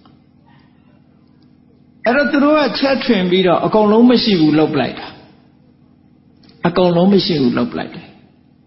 အဲ့ဒါလည်းတတိထားเสียပဲတရားထုတရားရောင်ဆိုတာကခိဆက်ဆက်မှာပေါ်လာတတ်တယ်ပေါ်လာတတ်သည့်အတွက်ကြောင့်ရသော်ဘုရားတရားတော်မှာပေါ်လူတဲ့ဖြစ်တာလေးရှိတယ် ် မြင့်နွမ်းသွားတာလေးပေါ့နော်လေညစ်နွမ်းတာ air pollution ရေညစ်နွမ်းလို့ရှင် water pollution အဲ့ဒီ pollution တွေပြောပြင်မှာအခုကအယူဝါဒညစ်နွမ်းသွားလို့ရှင်ဒါ view pollution ဖြစ်လာနိုင်ဓမ္မ pollution ဖြစ်သွားနိုင်တယ်ဒါကြောင့်မို့လို့ရသော်ဘုရားတရားတော်တွေကိုဘုရားဟောတဲ့အတိုင်း မှတ်သားနာယူဖို့အမှန်တမ်းအရေးကြီးတယ်အဆန်းထွင်ပြီးတော့ပြောတဲ့စကားတွေနောက်မလိုက်မိဖို့အရေးကြီးတယ်ပေါ့အဆန်းထွင်တဲ့စကားတွေနောက်လိုက်မိပြီဆိုလို့ရှိရင်မဆုံးနိုင်တော့ဘူးပေါ့အဲဒါလဲစမိလို့ပြောပြတဲ့စကားတစ်ခုဘဝတဏ္ဍာနဲ့တန်တရားမြတ်စွာဘုရားဟောထားတာကရှင်းရှင်းလေးမြတ်စွာဘုရားဟောထားတယ် လူတွေနားလဲအောင်ရှင်းပြီးတော့ဟောထားတာဘုရားဟောတဲ့ပါဠိလေးကအားလဲလို့ဆိုယထာပိမူလေအနုပတ္တဝေဓံလေစိန်နောပိရုခောပုဏ္ဏရေဝရုဟတိလူတိုင်းနားလဲတဲ့ဒါဒီစကားအသေးပဲပြန်လိုက်လူတိုင်းနားလဲတစ်ပင်တစ်ပင်ဟာတဲ့အမြင့်ကိုမထိခိုက်ဘူးအမြင့်ဟာရှင်သန်နေတယ်ခိုင်မာနေတယ်ဆိုလို့ရှိရင်တဲ့ အမြင့်မပြတ်သေးသမျှဒီတစ်ပင်ဟာရှင်သန်နေမှာပဲဒါဟုတ်တာပေါ့တစ်ပင်တစ်ပင်ဟာရှင်သန်နေတာဟာရေတောင်းမြင့်ရှိနေရှင်မှာပဲအကိုင်းနေဘလောက်ခုတ်ခုတ်တစ်ပင်ကရှင်းနေအောင်ပါပဲအမြင့်ကိုမထိခိုက်သေးသမျှတစ်ပင်ဟာရှင်းနေမယ်ဆိုတာဒါလူတိုင်းကိုယ်အိမ်သားမှာလူတိုင်းလူတိုင်းတစ်ပင်ဆိုတာရှိနေကြရှိနေတော့ ကိုမလေးခြင်းနဲ့တစ်ကိုင်းနေချုံခုတ်နောက်နှစ်ခါကျပြန်ပြီးတော့တစ်ကိုင်းတွေကစီးနေပြန်ဘာဖြစ်လို့အမြင့်ရှိနေလို့ပဲအမြင့်ရှိနေတယ်အဲ့ဒါကိုမြတ်စွာဘုရားဟောတာမူလေအနုပတ္တဝေဓံလေအမြင့်ကိုအထီးကိုက်မရှိဘဲနဲ့အမြင့်ဟာခိုင်မာနေမယ်ဆိုလို့ရှိရင်စိန်နောပိရုခောတစ်ပင်ကိုဘလို့ခုတ်ခုတ်ဘလို့ပဲဖြတ်ဖြတ် ပုဏ္ဏရေဝရုဟတိတဲ့ပြန်ပြီးတော့အတက်ပေါက်နေအောင်ပါပဲဟာတစ်ပင်ဆိုတာပြန်ပြီးတက်ပေါက်နေမှာဒါဥပမာအနေနဲ့ပြောတာဘဝတန်တရားကြီးဟာလည်းပဲကြည့်တဏှာမပယ်ပဲနဲ့တဏှာဆိုတဲ့အမြင့်ကိုထိခိုက်အောင်မလုပ်နိုင်ပဲနဲ့အပေါ်ယံကြောလေးကနေဖြတ်နေလို့ကတော့ဘယ်တော့မှဒီဘဝတန်တရားဟာရမှာမဟုတ်ဘူးပေါ့ အဲ့ဒါကြောင့်မို့ဧဝံပိတဏှာနုတေအနုဟတေနိဗ္ဗတတိဒုက္ခမိထံပုဏ္ဏပုဏ္ဏဒုက္ခဆိုတဲ့တစ်ပင်ကြီးဟာစီကားနေအောင်ပါပဲတဏှာဆိုတဲ့အမြင့်မပြတ်သေးသမျှကာလပတ်လုံးတန်တရားဆိုတဲ့ဒုက္ခတစ်ပင်ကြီးဟာစီပင်ပြန်ပွားပြီးတော့ရှင်သန်နေအောင်ပါပဲဟောမြတ်စွာဘုရားဘာဆိုလိုတာတုံးလို့ဆိုလို့ရှိရင်ကြည့် တန်တရားတွေကဆင်းရဲဒုက္ခတွေကိုရပ်ချင်ဘာလို့ရမယ်ဆိုတာရှင်းရှင်းကြီးပြောတာပဲဒါဝေဝိုက်ပြီးပြောနေတာမဟုတ်ဘူးเนาะရှင်းရှင်းကြီးပြောနေတာတစ်ပင်ဟာဘာကြောင့်ရှင်သန်နေတာတုံးဆိုအမြင့်ကြောင့်ရှင်သန်နေတာအဲ့တော့အမြင့်ကိုမဖြတ်ဖဲနဲ့အကိုင်းနေဘလောက်ဖြတ်ဖြတ်ဒီတစ်ပင်ဟာမသေးဘူးထို့တူပဲခန္ဓာ၅ပါးဆိုတဲ့ တန်တရားကြီးမှလည်းပဲခန္ဓာ၅ပါးဆင်စမပြတ်ဖြစ်ခြင်းဆိုတဲ့တန်တရားမှလည်းပဲအမြင့်ရှိတယ်တဲ့အဲ့ဒီတန်တရားရဲ့အမြင့်ကဘာလဲလို့ဆိုရင်ဘဝတဏှာပဲအဲ့ဒီဘဝတဏှာဆိုတဲ့တန်တရားအမြင့်ကိုမဖယ်ရှားနိုင်သေးသမျှကာလပတ်လုံးတန်တရားရဲ့ဒုက္ခကိုဘယ်သူမှအဆုံးသတ်နိုင်မှာမဟုတ်ဘူးလို့ဒီလိုဟောဒီလိုဟောတာအဲ့တော့တန်တရားရဲ့ဒုက္ခကိုအဆုံးသတ်ဖို့ ဘဝတဏကိုဖြတ်ဖို့ဆိုတဲ့နေရာမှာဘာကိုအရင်ထူထောင်ရမှာလဲလို့ဆိုလို့ရှိရင်ဘာကိုဖယ်ရှားရမလဲလို့ဆိုရင်အဝိဇ္ဇာကိုဖယ်ရှားပြီးအသိဉာဏ်ကိုထူထောင်ပြီးတော့အဝိဇ္ဇာကိုဖယ်ရှားရမှာပဲအသိဉာဏ်ကိုထူထောင်ပြီးတော့အဝိဇ္ဇာကိုဖယ်ရှားလိုက်တာနဲ့တပြိုင်တည်းတဏှာဆိုတာကိုလည်းဖယ်ရှားပြီးသားဖြစ်သွားအဲ့တော့အဝိဇ္ဇာနဲ့တဏှာလို့ဆိုတဲ့ကိလေသာတွေကိုဖယ်လိုက်နိုင်တာနဲ့တပြိုင်တည်း သူတို့အထောက်အကူနဲ့ယက်တည်နေရတဲ့ကံတရားတွေဟာလည်းပဲဖယ်ရှားပြီးသားဖြစ်သွားတယ်။ကံတရားတွေဖယ်ရှားပြလိုက်ပြီဆိုလို့ရှိရင်ဟောကံတရားတွေကနေထုတ်လုပ်ပေးနေတဲ့ဘဝဆိုတာမရှိတော့ဘူးအဲ့တော့နိဗ္ဗာန်ရတယ်နိဗ္ဗာန်ရတယ်လို့ပြောတာဟာဘဝတဏအဆုံးသတ်မှနိဗ္ဗာန်ရမှာလို့ဒီလိုမှတ်ရဘဝတဏအဆုံးမသတ်နိုင်သေးလို့ရှိရင်နိဗ္ဗာန်ဘယ်သူမှမရနိုင်ဘူး ဘဝတဏအဆုံးမသတ်နိုင်သေးတဲ့မြတ်တန်လျာထဲမှာဘုန်းကြီးတို့တွေဟာလဲနေကြအောင်ပါပဲလေရာမဘလောက်ကြောက်စရာကောင်းအောင်လဲတယ်လဲဆိုတာကိုယ့်အကူနော်ဘဝတွေမှတ်မိနေမယ်ဆိုလို့ရှိရင်နော်လူတွေကဘဝကိုစိတ်ပြက်လာကြမှာပဲဘဝဟာဒုက္ခတွေအမတန်မှခံရလို့တေခြင်းဆင်းရဲဆိုတဲ့ဒုက္ခခံလဲရတဲ့အခါမှာလူတွေဟာမေ့သွား မေ့သွားလိုက်သည့်အတွက်ကြောင့်ပျော်နိုင်တာပေါ့လေပျော်နိုင်တာဒုက္ခကိုမေ့လို့ရမေ့သွားလို့ပြောတာအကယ်၍သာဒုက္ခတွေဟာတယ်လီဗီရှင်းထဲမှာပေါ်နေတယ်လို့တစင်တတိုက်ကြီးတာပေါ်ပြီးတော့ဘယ်တော့မှမပြောက်ဘူးဆိုရင်လူတွေဘလောက်ကြောက်ကြလဲကဲဘုန်းကြီးတို့ကိုယ့်ဘဝကိုမသိနိုင်လို့ရှိရင်မြတ်စွာဘုရားလက်ထက်ကဘိက္ခုနီမလေးတယောက်ရဲ့ဘဝကိုကြည့်ကြည့်အောင် ကိုယ့်ဘဝတော့ကိုယ်မသိနိုင်ကြသေးဘူးအေးဘိက္ခုနီမလေးရဲ့ဘဝကိုကြည့်မယ်ဆိုရင်သူ့ဘဝဇလန်းလေးကဘယ်လိုစလိုက်တာတော့လို့ဆိုသူဟာတန်တရားအစမထင်တန်တရားတစ်ခွင်ကစပြီးတော့သူဟာတတ္တဝါတူအနေနဲ့ကဘာမှာလောကမှာပေါ်ထွန်းလာတာပဲသို့တော့သူ့ဘဝကိုစပြီးတော့သိရှိရတဲ့အချိန်ဟာ အနေထားတစ်ခုဟာအမတမတုံနှုတ်เสียကောင်းတယ်ပေါ့ရသော်ဘုရားသခင်ကိုရောမြတ်ကရာဇဂိုမြို့မှာဝေလူဝင်ကျောင်းတော်ကြီးမှာသတင်းသုံးတယ်။ဒါနဲ့ပိုင်းမှာထုံးစံအတိုင်းရာဇဂိုမြို့ရဲဆွမ်းခံကြွတယ်။မြို့ရဲရွာရဲသွားလို့ရှိရင်ဝက်တိကျက်တိတွက်မှာပေါ့။ဒါကတော့နော်။အဲ့ဒီမှာဆွမ်းခံကြွတဲ့အခါမှာဆွမ်းခံလမ်းမှာ ဝက်မတကောင်ကိုဘုရားရှိခိုးဖြတ်သွားတာကိုမြတ်စွာဘုရားမြင်လိုက်တယ်အဲ့ဒီဝက်မကိုကြည့်ပြီးတော့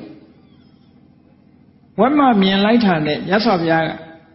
သူကသူသိတာမဟုတ်ဘူးဒီဝက်မလေးကိုကြည့်လိုက်တာကြည့်လိုက်ပြီးတဲ့အခါကျတော့ပုပ္ပေနိဝါဒနုဒတိအဘိညာဉ်ဖះဆိုတာကိုသိကျင်ချက်ချင်းဝင်စားလို့ရတယ်စွမ်းရည်တတိကအမတန်ထက်တယ်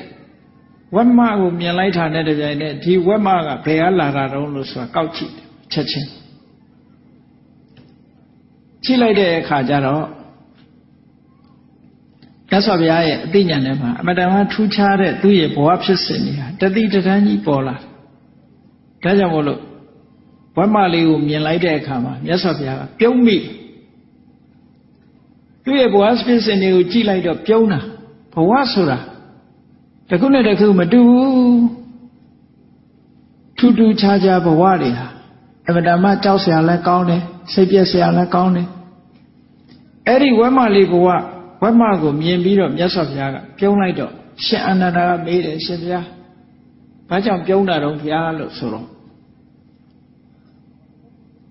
ဒီနေရာမှာမြတ်စွာဘုရားကပြုံးတာဆိုတာဘုရားကရှေ့ကသွားနေတာရှင်အနန္ဒာကနောက်ကလိုက်တာ ဘုရားပြုံးတာဘယ်လိုသိတုံးလို့စဉ်းစားမိကြလိမ့်မယ်မြတ်စွာဘုရားဆိုတာအမှန်တမ်းပြုံးခဲ့တယ်ပြုံးလိုက်ပြီဆိုလို့ရှိရင်လေမြတ်စွာဘုရားရဲ့သွားတော်တွေဆွဲတော်တွေဆိုတာအမှန်တမ်းဖွေးစွတ်နေဖြူဖွေးတာပြုံးလိုက်လို့သွားပြားလေးပေါ်လိုက်တာနဲ့တပြိုင်နက်ဝင်းငနဲ့လက်ခနဲ့ဖြစ်သွားတာနော်ဝင်းငနဲ့လက်ခနဲ့ဖြစ်သွားနောက်ကလိုက်တဲ့ရှင်အနန္ဒာကအဲ့ဒီဝင်းငနဲ့လက်ခနဲ့ဖြစ်သွားတာ မြင်လိုက်လို့မြတ်စွာဘုရားပြုံးတယ်ဆိုတာသိလိုက်တာရှင်ဘုရားဘာကြောင့်ပြုံးတာတော့လို့ဆိုတော့အာနန္ဒာဝဲမလေးမြင်လိုက်လားလို့ဆိုမြင်လိုက်ပါလေဗျာအေးအဲ့ဒီဝက်မဟာတဲ့ကကုတန္တမြတ်စွာဘုရားလက်ထက်အခါကာလတော့ကသူဟာကြက်မလေးတကောင်ဖြစ်ခဲ့တယ်ဝတ္တုကြက်တို့နီးတယ်နော်ဟင်အိုနာမှာအတော်နီးတဲ့အကောင်လေးအဲ့တော့ သူကကြက်မလေးဖြစ်တဲ့အချိန်မှာရဟန်းတော်တွေဆွမ်းစားတဲ့ဇယအနီးပေါ့ဆွမ်းစားတယ်ဆိုတဲ့နေရာမှာအခုခေတ်နဲ့တွဲလို့တော့မရဘူး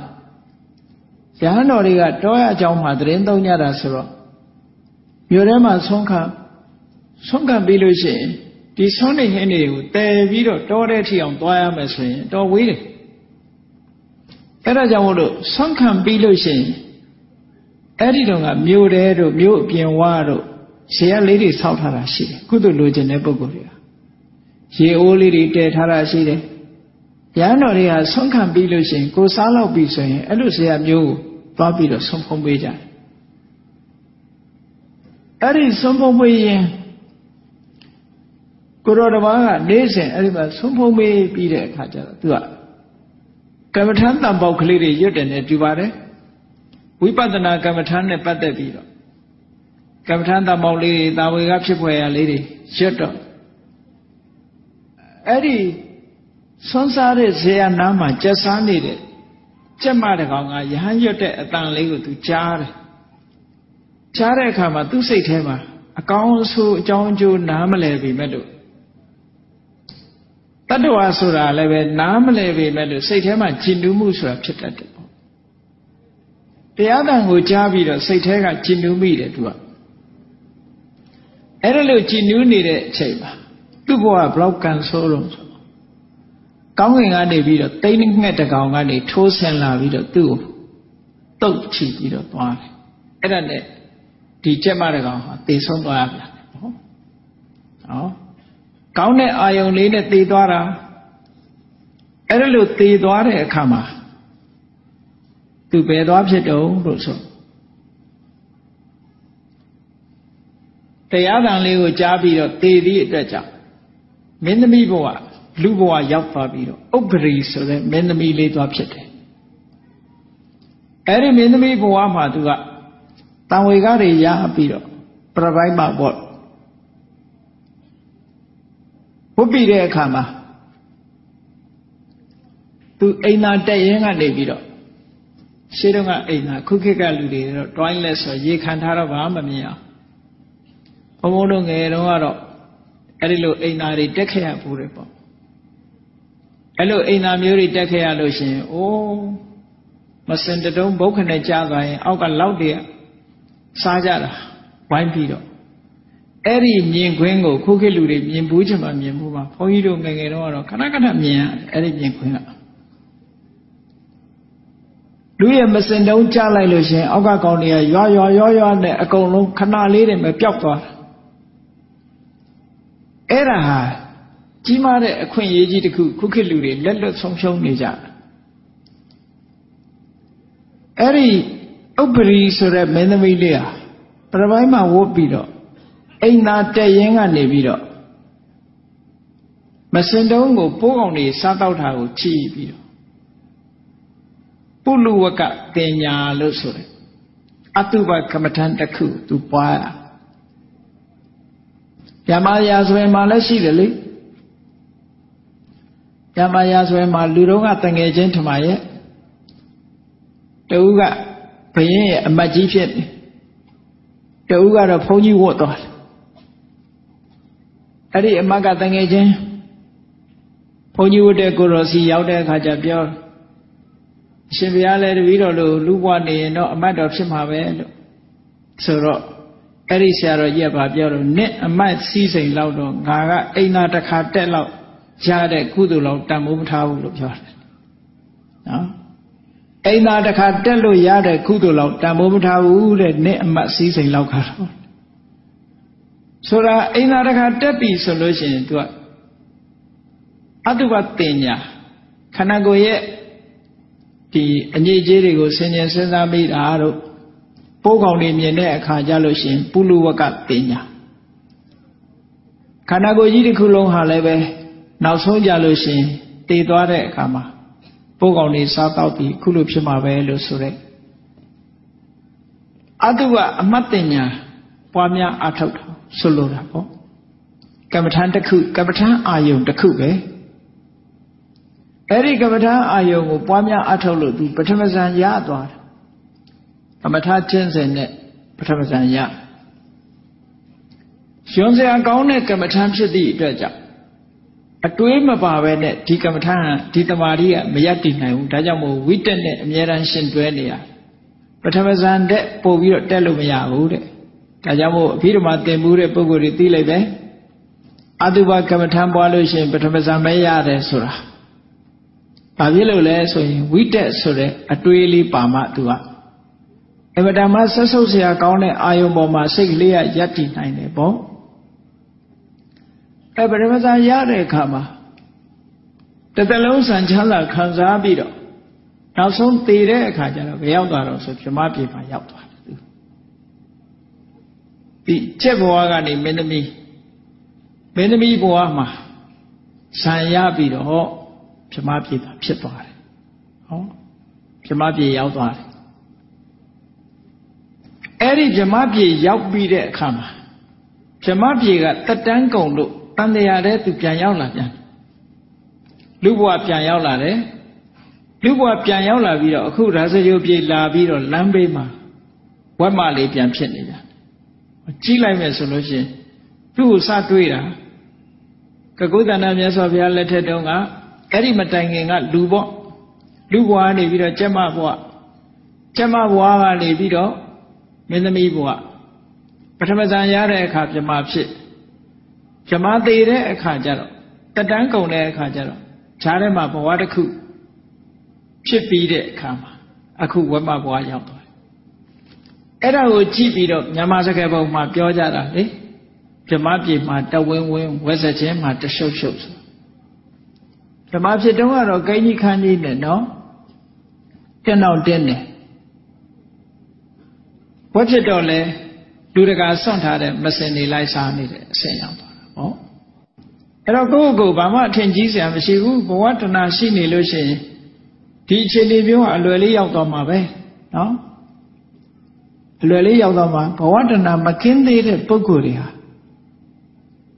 ဒီအခြေအနေမျိုးလွယ်လွယ်လေးရောက်တဲ့ဆိုတာကိုတတိထားဖို့ရသော်ဘုရားသခင်ကိုတော်မြတ်ကတတိပေးတယ်ကိုယ်မျက်စိအောက်မှာမြင်ကွင်းတွေဟာအမျိုးမျိုးရှိ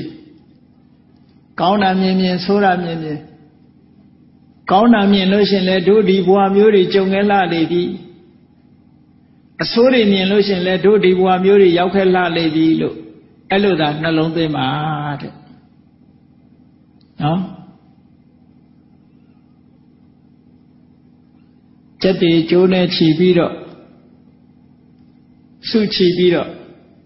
မော်တော်ဆိုင်ကနောက်ကဆွဲသွားတာတို့စပိန်နောက်ကတင်သွားတာတို့တွေ့ရင်တို့လည်းဒီလိုဆွဲခံခဲ့ရတဲ့ဘဝတွေအများကြီးပဲလို့လားအောင်းမေ့ပေတော့ဝတ်တွေကျုံနဲ့တုပ်ပြီးတော့ ခေါ်သွားတဲ့အခါမှာအေးတို့လည်းဒီလိုဘဝမျိုးရုပ်ခိုင်းလာလေပြီလို့ဒီလိုအောင်းမေ့ပါတဲ့အယုတ်ဆိုးကြီးတန်တဲ့လူတွေ့လို့ရှင်တယ်ဩငါလည်းသူ့လိုဖြစ်ခဲ့ဘူးလားလေပြီအဲချောမောလှပတဲ့လူတွေ့ရင်လည်းငါလည်းဒီလိုချောခဲ့တာပဲလို့အဲ့ဒါဘဝတန်တရားဆိုတာဒီလိုပဲမြတ်စွာဘုရားကတန်တရားကြီးဆိုတာညီငွေဖို့ကောင်းတယ်လို့ မခံစားဘူးလားဆိုတာအမတမရှားနေပြီပေါ့သို့တော့ဘဝတဏဆိုတာစမ်းငံရီတောက်ထားလို့ပဲတောက်ပြီးရင်တောက်ချင်းရင်တောက်ပြီးရင်တောက်ချင်းရင်အငတ်မပြေဘူးပေါ့အေးဒါကြောင့်မလို့အခုဒီအမျိုးသမီးလေးရဲ့ဘဝကိုပဲကြည့်ဗြမပြေမှာတဝင်းဝင်းဖြစ်ပြီးတော့ ဗြမာကတော့တန်းပြီးတော့ဝက်မဖြစ်ဘူးဆိုတာတော့မှတ်ထားဖို့လိုအပ်တယ်ပေါ့။ဘာဖြစ်လို့လဲဆိုတော့သူကုသကံကအမတမကြီးတယ်သမထကုသကံဆိုတာစွမ်းအားထက်တယ်။ဒါကြောင့်ဗြမပြေကတန်းပြီးတော့တရိษံလည်းမဖြစ်ဘူးငရဲလည်းမကြဘူးအပယ်လေးဖို့မရောက်နိုင်ဘူးပေါ့။ဂျားထဲမှာလူဖြစ်စေနတ်ဖြစ်စေဘဝတစ်ခုခြားပြီးမှသာလေသူကတရိษံတို့ ပြိတ္တာတို့အသူရကယ်တို့ငရဲတို့ဆိုတာရောက်တယ်လို့အရှိန်ကအမတန်မှကောင်းတယ်ပေါ့ကုသိုလ်ရဲ့အရှိန်ကဟောအဲ့ဒီလိုဝဲမလေးဖြစ်တဲ့အချိန်ကြတော့မြတ်စွာဘုရားကအာနန္ဒာခြိကံဒီဝဲမလေးဟာ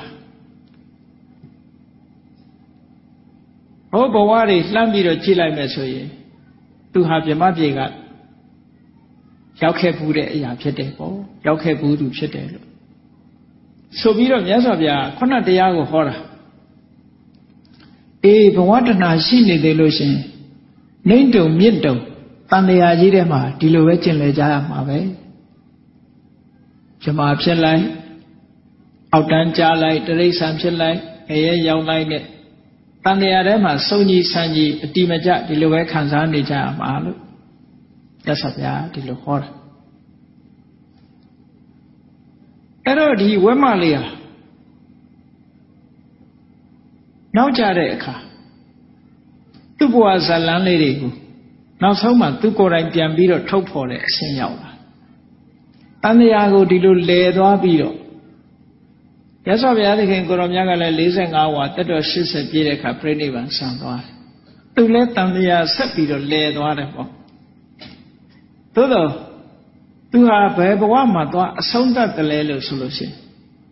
တိရိလင်္ကာနိုင်ငံဒီကနေ့ခေါ်တယ်တိရိလင်္ကာနိုင်ငံလန်ကာဒီပလို့ခေါ်တယ်ပြီးဟိုကျွန်းမှာဘိက္ခုနီမှာဖြစ်တယ်အဲ့ဒီဘိက္ခုနီမှာဖြစ်တဲ့အချိန်မှာသူဇလံသူပြန်ပြောတာအခုမြတ်စွာဘုရားနဲ့တွေးပြီးတော့ဝက်မလေးကနေပြီးသူဘယ်ဖြစ်သွားတယ်ဆိုတာကိုပြန်ပြောတယ် အဲ့ဒီဝဲမလေးကဘယ်လိုသေးတယ်ဆိုတာတော့မှတ်တမ်းမရှိဘူးသို့တော့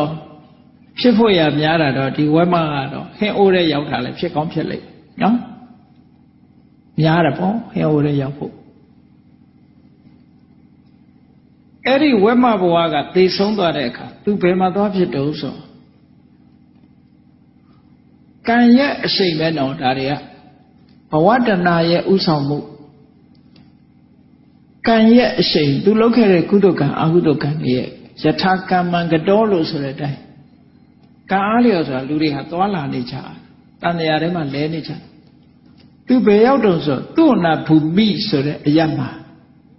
အဲ့ဒီသူ့နာဘူမိနိုင်ငံကမင်းသမီးသွားဖြစ်ပြန်ကြည့်ဝက်မကအဲ့ဒီရောက်တော့ပြန်ပြီနော်ဝက်ဖြစ်တုံးကတော့အဲ့ဒါမစင်တုံးနေစားမယ် အခုတခါမင်းသမီးဖြစ်တော့စိန်တွဲလဲနဲ့ပေါ့နော်စိန်တွဲလဲရွှေတွဲလဲနဲ့နေပြန်ပြီနန်းတော်ဝရောက်သွားပြန်ပြီတန်တရားထဲမှာအဲ့ဒါလိုပဲတို့နာပုံပြီဆိုတာဘယ်မှာလဲလို့ပြောလို့ရှိရင်ဓမ္မလူမျိုးတွေကတော့သောနာပုံပြီဆိုတာတထုံပဲလို့ဒီလိုယူဆဒီသားတချို့ပုဂ္ဂိုလ်တွေအိန္ဒိယဒီ ထိုင်းတို့ဘာတော့ကလည်းသုဝနာဘုံမိဆိုတာသူတို့နိုင်ငံအခုကြားဖို့ကြလိမ့်မယ်သုဝနာဘုံမိဆိုရယ်လေစိတ်ကြီးတည်ထားတည်ထားတာလေအဲ့တော့သုဝနာဘုံမိဆိုတာဘယ်နေရာလဲလို့ location သတ်မှတ်ပြီးတော့ပြောမယ်ဆိုလို့ရှိရင်တော့အမျိုးမျိုးပြောပြီးတော့နေကြတယ်ပေါ့သို့တော်လည်းအိန္ဒိယနိုင်ငံရဲ့အရှိတ်ဘက်မှာရှိတဲ့မြန်မာတို့ထိုင်းတို့ ဒီနားတဝိုက်ဟာသောနာပုံပြီးဖြစ်နိုင်ဖြစ်တာတော့သေချာဘာလို့လဲဆိုတော့အိန္ဒိယနိုင်ငံဩရိတပြည်နယ်ကနေရှစ်တဲ့တဲ့ကြည့်လိုက်လို့ရှိရင်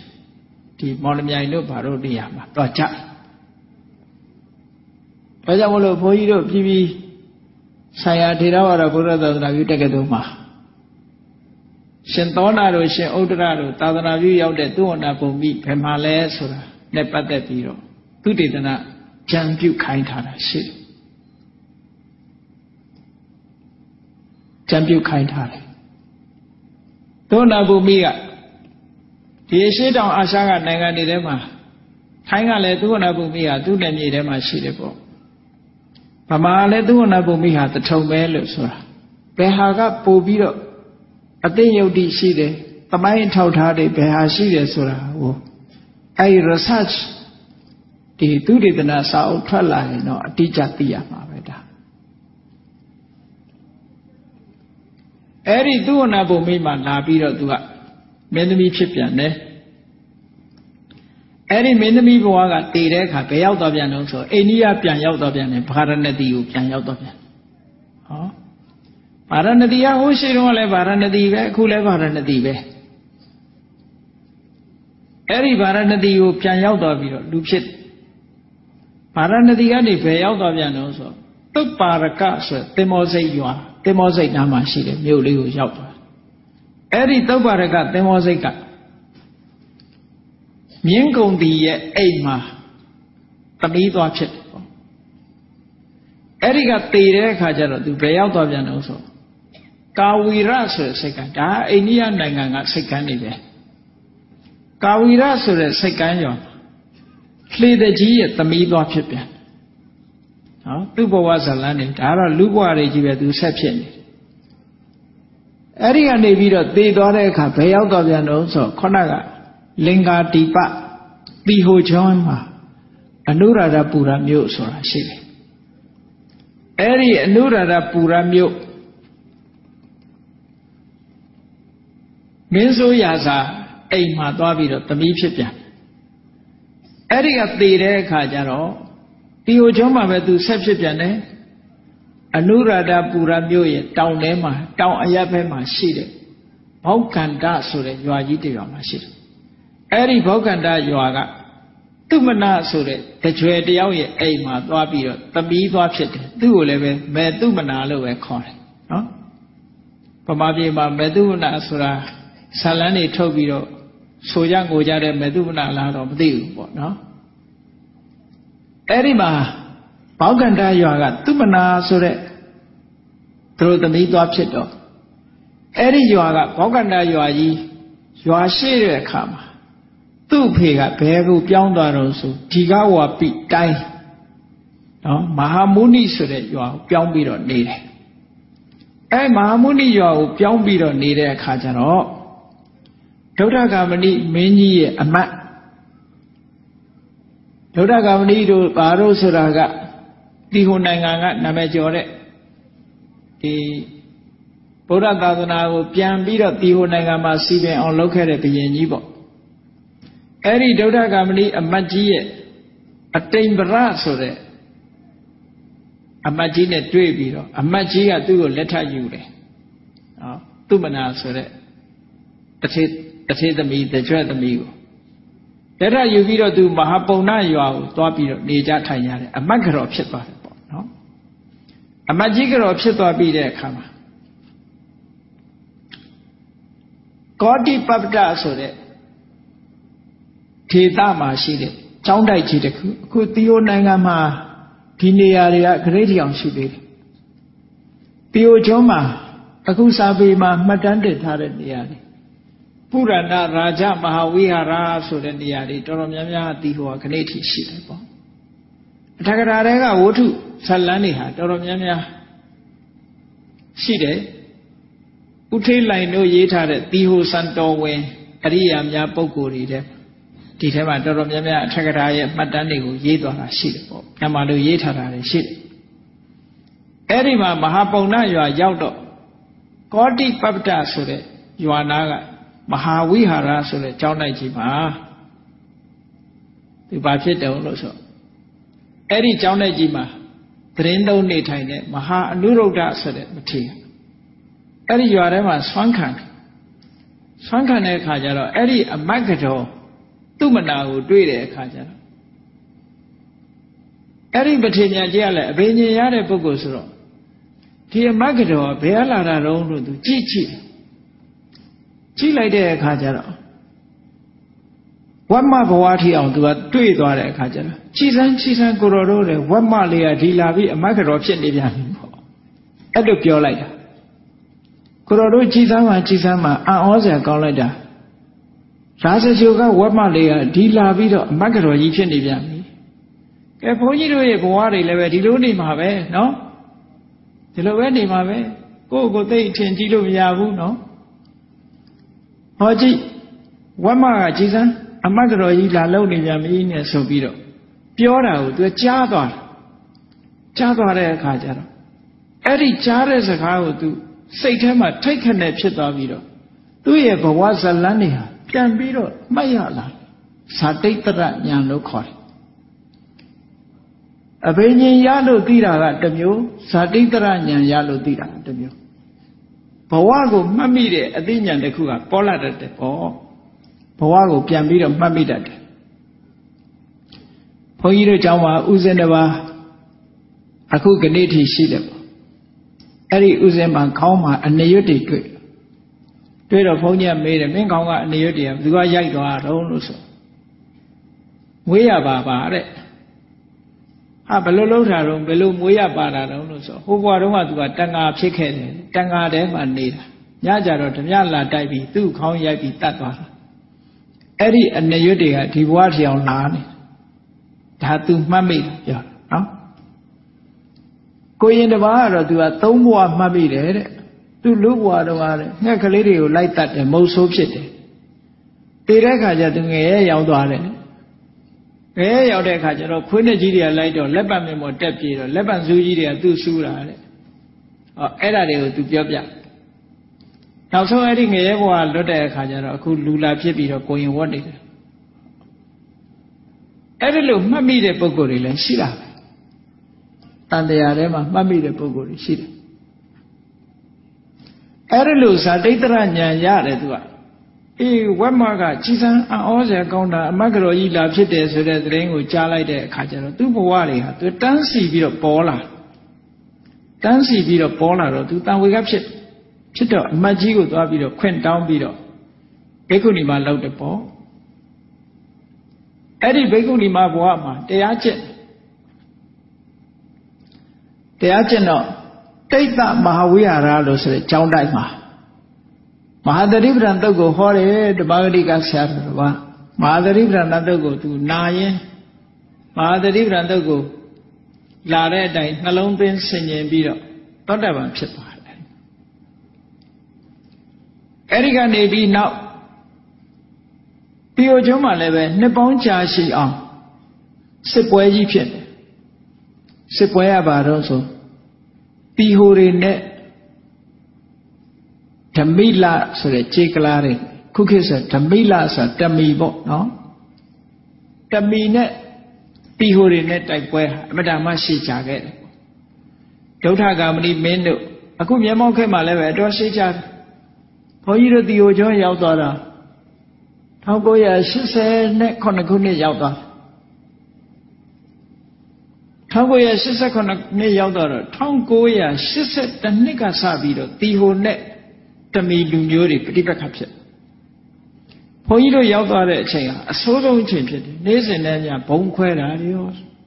နော်တိုက်ပွဲတွေရောလူတတ်တာတွေရောအဗဒမဆိုးွားတဲ့အချိန်ပိုင်းအဲ့ဒီရောက်သွားအားလုံးသတင်းစာဖတ်တဲ့ပုဂ္ဂိုလ်တွေတွေ့ကြလိမ့်မယ်မကြခင်ကမှတီဟိုကဒီတမီနဲ့တီဟိုစစ်ပွဲဟာအဆုံးသတ်သွားတာနှစ်ပေါင်းအစိတ်လောက်ထိအောင်တိုက်ပွဲတွေကြီးကျယ်ဖြစ်ခဲ့တာ ပြည်တွင်းစစ်ပေါ့နော်အဲ့ဒါလိုဖြစ်ခဲ့တာအခုတော့ငြိမ်းချမ်းရေးရသွားပြီလို့ပြောမယ်သို့တော့ငြိမ်းချမ်းရေးရသွားတာတစ်ဖက်ကရှုံးလို့ငြိမ်းချမ်းရေးရတာသာဝရငြိမ်းချမ်းရေးတော့မဟုတ်နိုင်သေးဘူးနော်အားရှိလာရင်ပြန်ထအောင်ပါပဲအဲ့တော့အဲ့ဒီမှာပါဠိစာပေမှာဓမိလလို့ခေါ်တယ်အိန္ဒိယတောင်ပိုင်းမှာရှိတဲ့ပြည်နယ်ကြီးတစ်ခုကတမီနာဒူးလို့ခေါ်တယ် တမီနာဒူးပြည်နယ်ကလူမျိုးတွေကိုဓမိလလို့ခေါ်တယ်ရှေးတုန်းကစောလတိုင်းလို့လည်းရေးတယ်သူတို့အတန်တွေနဲ့ကြတော့ကြောလစောလတိုင်းအဲ့ဒီဓမိလလူမျိုးတွေစစ်ပွဲကြီးပြီးဆုံးတဲ့အခါမှာအဲ့ဒီဘေကုဏီမလေးဟာသူ့ဇာတိဖြစ်တဲ့ဘောက်ကန္တရွာကိုပြန်ပြီးတော့နေထိုင်တာအဲ့ဒီမှာနေရင်းနဲ့ ကံလမဟာဝိဟာရလို့ခေါ်တဲ့ကျောင်းတိုက်ကြီးမှာတရားသွားနာအဲ့ဒီကျောင်းတိုက်ကြီးမှာဗာတရားသူနာလဲရတော့ဆိုတော့အာတိဝီသောပမတုတ်တံဆိုတော့သူနာလဲရတယ်ဝေကြီးလေးကောင်နဲ့ဥပမာပေးပြီးတော့ဟောတဲ့တော့ဘုန်းကြီးတို့ဟောထားတဲ့ဟိုဘက်ကန်းကငြိမ်းချမ်းတယ်ဆိုတဲ့အာတိဝိသောပမတုတ်ပဲအဲ့ဒီအာတိဝိသောပမတုတ်ဆိုတာဝိပဿနာကျင့်စဉ်တစ်ခု ဒုက္ခလက္ခဏာရှုထောင့်ကနေပြီးတော့ဝိပဿနာကျင့်စဉ်တစ်ခုကိုမြတ်စွာဘုရားဟောကြားထားတဲ့တုတ်တန်တစ်ခုဖြစ်တယ်ပေါ့အဲ့ဒီတုတ်တန်ကိုနာရင်ကနေပြီးတော့သူဟာယန္နာဖြစ်သွားတယ်ဆိုတော့ဝက်မလေးဘဝဟာ၁၂ဘဝပြန်ပြီးတော့တဘွားပြီးတဘွားတဘွားပြီးတဘွား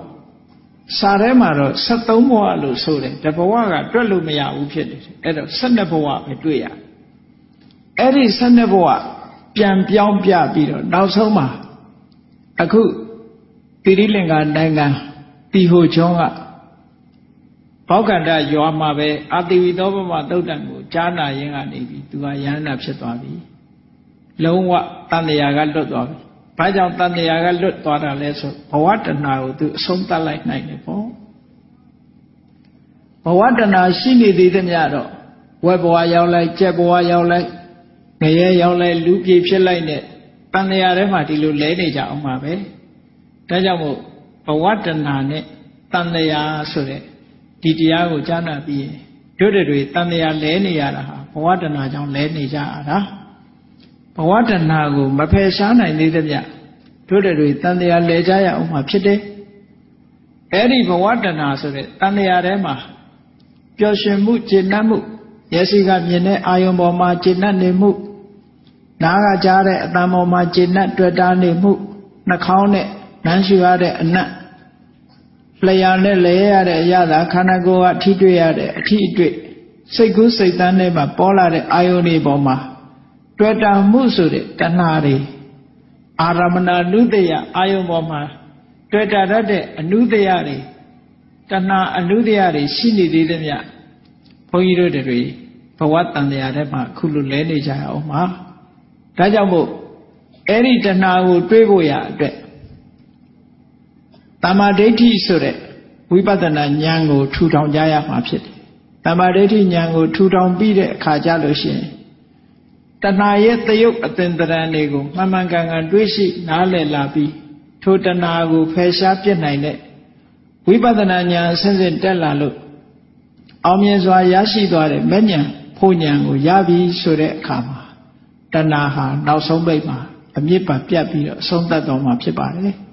သစ်ပင်ကြီးတစ်ပင်ကိုအမြစ်ကိုတူးပစ်လိုက်ရင်ထိုသစ်ပင်ကြီးကဘယ်တော့မှပြန်ပြီးတော့အတက်မထွက်တော့သလိုပဲဘုန်းကြီးတို့ရဲ့ဘဝဟာလည်းပဲဘဝတဏှာဆိုတဲ့အမြစ်ကိုဖယ်ရှားပစ်လိုက်နိုင်လို့ရှင်ဘဝထဲမှာစမ်းကြီးစုံကြီးဆန်းကြီးဆိုတဲ့ဘဝတန်တရားရဲ့ဒုက္ခတွေကိုဖယ်ရှားပစ်နိုင်မှာဖြစ်တယ်လို့